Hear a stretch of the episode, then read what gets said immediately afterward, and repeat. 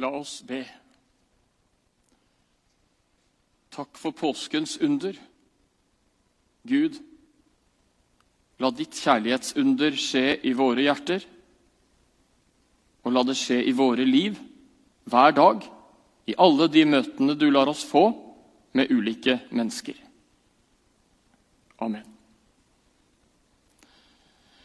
Vi skal lytte til eh, denne søndagens preketekst fra Johannesevangeliet, kapittel 13, og vi leser fra 31, vers 31. Da han var gått, sa Jesus, nå ble menneskesønnen herliggjort, og Gud ble herliggjort gjennom ham. Og er Gud blitt herliggjort gjennom ham, skal Gud også herliggjøre ham og gjøre det snart. Mine barn, ennå en liten stund er jeg hos dere. Dere skal søke meg, eh, men det jeg sa til jødene, sier jeg nå til dere. Dit jeg går, kan dere ikke komme. Et nytt bud gir jeg dere. Dere skal elske hverandre. Som jeg har elsket dere, skal dere elske hverandre. Ved dette skal alle forstå at dere er mine disipler, at dere har kjærlighet til hverandre. Slik lyder Herrens ord.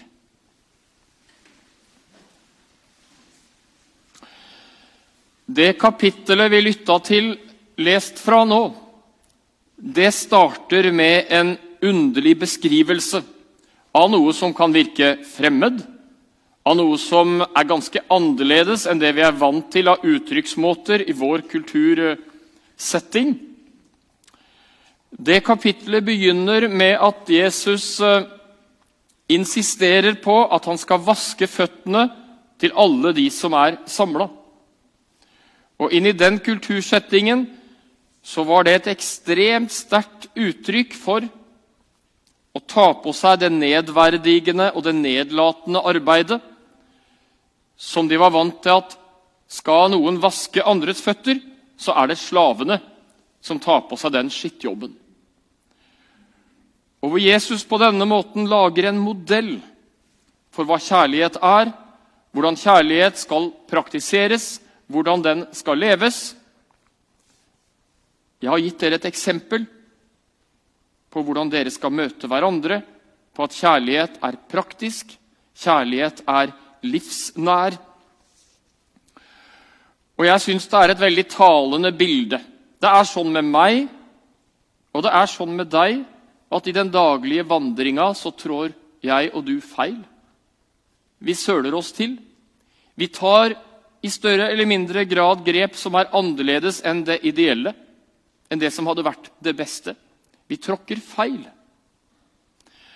Og vi kan ha en fristelse i oss til å hause opp de feiltråkka andre tar, og sette lyskaster og forstørrelsesglass på dem. Jesus lærer oss det motsatte. Å vaske av den skitten andre har påført seg sjøl under vandringa. Være med å redusere konsekvensene, redusere følgene av de feilstega andre har gjort. Og Det står om det i Bibelen kjærligheten skjuler en mengde synder. Og jeg husker at når jeg lærte om det som barn, så lærte jeg det fra en gammel bibeloversettelse hvor det sto kjærligheten skal skjule synders mangfoldighet. Det er visdomsord. Det er ord fra Jesus å ta med seg inn i hver enkelt levedag for hver enkelt av oss. Og det å praktisere sånt har avgjørende betydning for hvordan kvaliteten på et hvilket som helst fellesskap blir.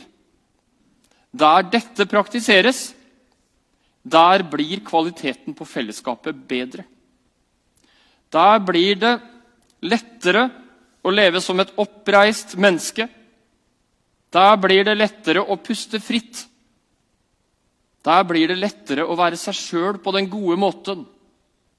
På en måte som er på lag med livet, sånn den gode skaper har tenkt at livet skal være. Kjærligheten skjuler en mengde synder. Det er verdt å merke seg nattværinnstiftelsen. Innstiftelsen av kjærlighetens måltid. Den starter med en sånn handling som fotvaskingen. Og det sier mye om hva nattværen er. Og det sier mye om hvordan det kristne fellesskapet er tenkt. Nattværen, kjærlighetsmåltid, et sted vi får komme og på en spesiell måte kan få anledning til å erfare og få det sagt konkret gjennom å spise og drikke. Barnet mitt, det er tatt på meg. Jeg har betalt for deg. Du er tilgitt og rensa for Jesus skyld. Nå er alt det gamle lagt bak. Det er ordna. Det er fiksa. Jeg har vaska deg rein, barnet mitt.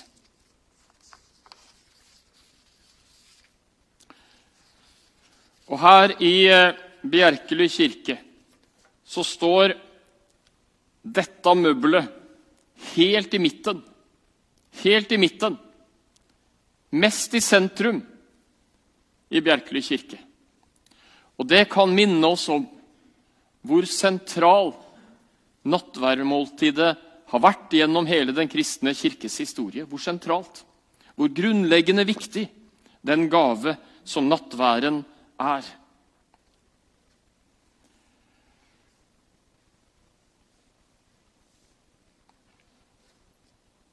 Og så kommer dagens preketekst, den vi har lest. Den som blei lest helt i starten av denne prekenen, den kommer rett etter det første nattværmåltid. Og Dermed så er nattværen omkransa av tekster som fokuserer på kjærlighet. Har du lagt merke til det før? Det sier mye. Og det er vel verdt å grunne på, og det er vel verdt å legge merke til. Praktisere kjærlighet. Og jeg har lyst til å si litt spesielt om våre kjære ungdommer. Jeg tror det er en del av oss som har oppdaget, jeg tror det er mange av oss som har oppdaga at en del av ungdommene sliter ekstra hardt og har gjort det dette året. Det er ganske mange av dem vi møter, som sturer, som går og har det vanskelig og trøblete. De hadde forventninger til et studieår, og de blei sittende og sture på en bitte liten hybel. Og på den hybelen skulle de sove og spise og jobbe. For de gode møteplassene de hadde tenkt seg, både studiemessig og sosialt, blei det ingenting av. Det er ganske mange ungdom som går og sliter og har det tungt, og som bærer masse byrder inni seg i disse dager. Og så blir det lett dårlige spiraler, døgn som snus for en del av de, for noen av de. Sjøltillit som skrus litt og litt lavere og litt og litt nedover. Og da trengs det voksenpersoner fra foreldre og fra besteforeldregenerasjonen som kan legge egen sjølopptatthet til side ganske mye. Å være der. Å være der og lytte, og være der og gå runder. Og Jeg mener ikke å si at vi skal sy puter under armene på en sånn måte som blir en bjørnetjeneste. Det er ikke det jeg etterlyser, men du skjønner hva jeg mener.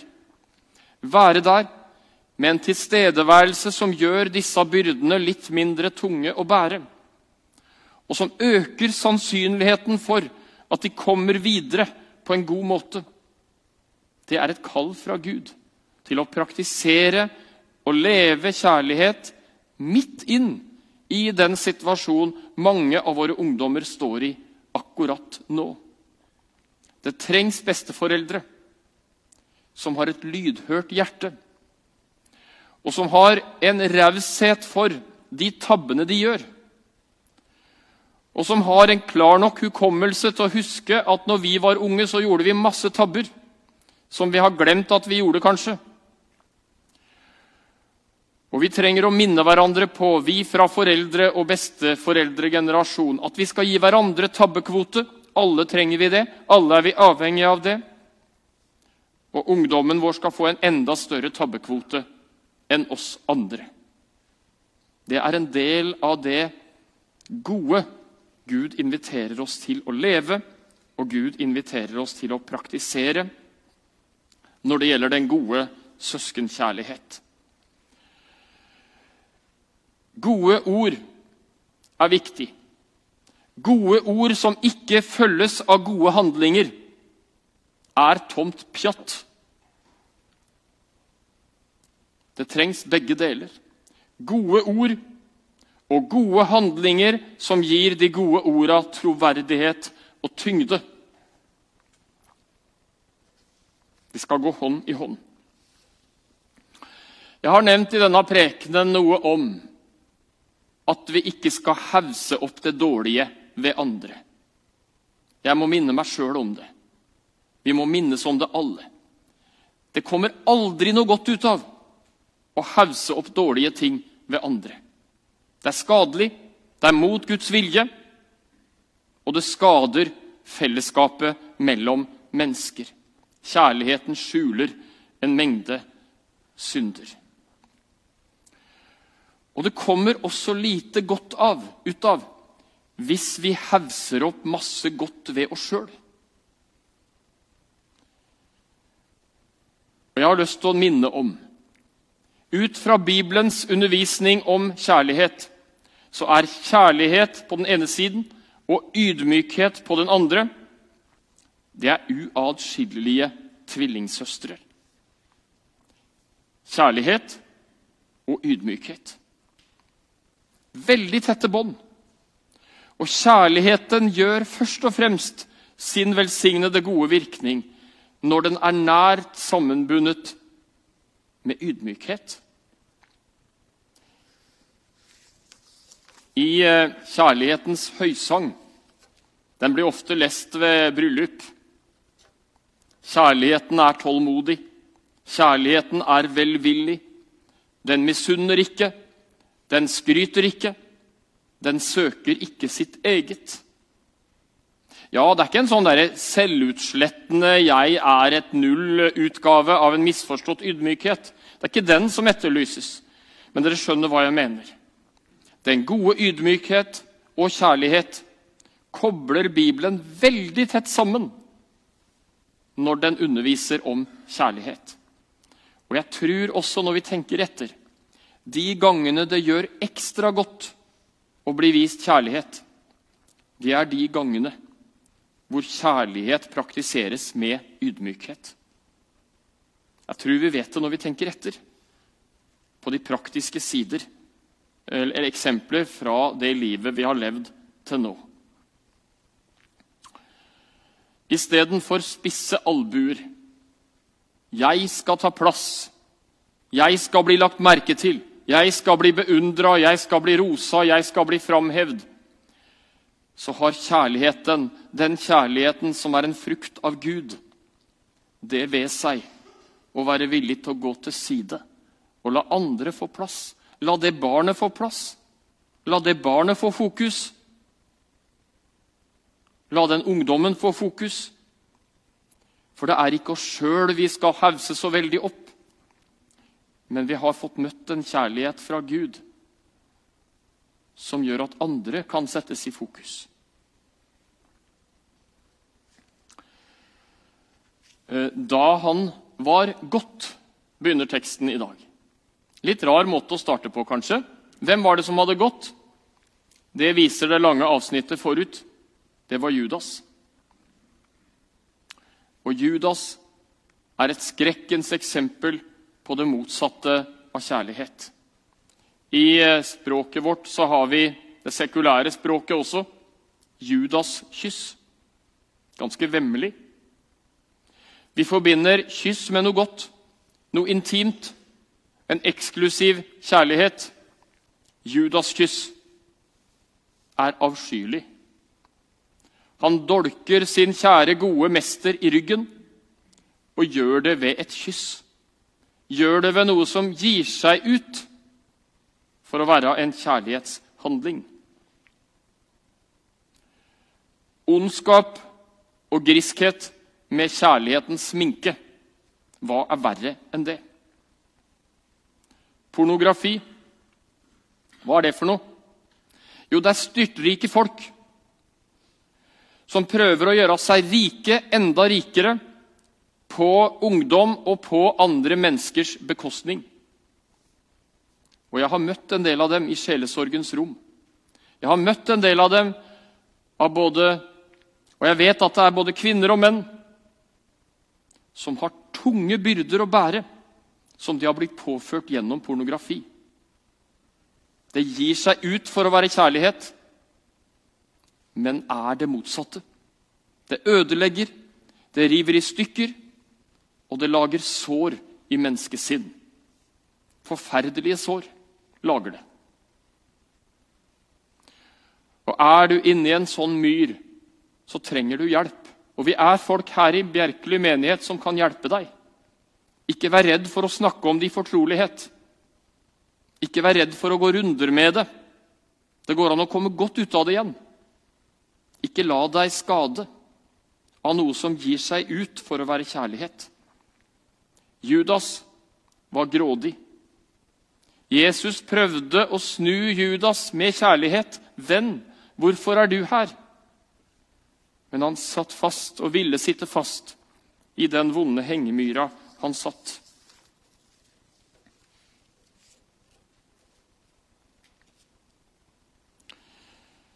Kjærlighet er selve grunnbeskrivelsen av Guds identitet.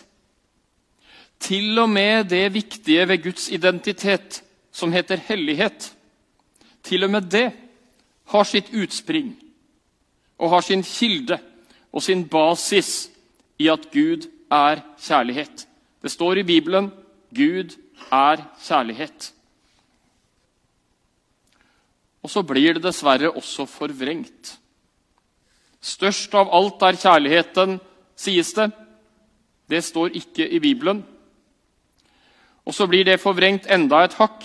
Løst fra alt er kjærligheten.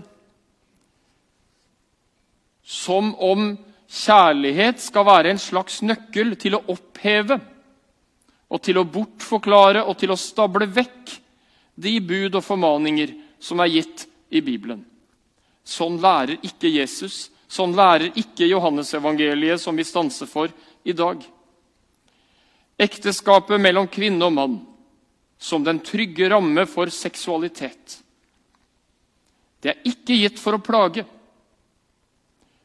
men det er gitt fordi Han som er kjærlighetens opphav, veit bedre enn noen andre hva som er best for oss mennesker, som enkeltindivider og som samfunn. Det er gitt fordi han vil oss vel. Det er gitt fordi han vil det gode. Og det er gitt fordi han vet at et samlivsanarki rammer samfunnet, rammer fellesskapet, og det rammer de svakeste aller hardest. Anarki gjør som regel det. Derfor har Gud lagd ordninger. Derfor har Gud lagd system som hele tiden skal stå i det godes og i kjærlighetens tjeneste. Bibelen kobler det sammen Å holde fast ved Guds bud og det å elske Gud og det å leve i kjærlighet. Det er ikke motpoler, men det veves i hverandre som uatskillelig, som del av den samme gode Guds plan med mennesker han har skapt. Vi skal slutte prekenen med å lese om igjen litt fra preketeksten til i dag. Og legg gjerne nøye merke til orda. Legg gjerne nøye merke til det Jesus sier.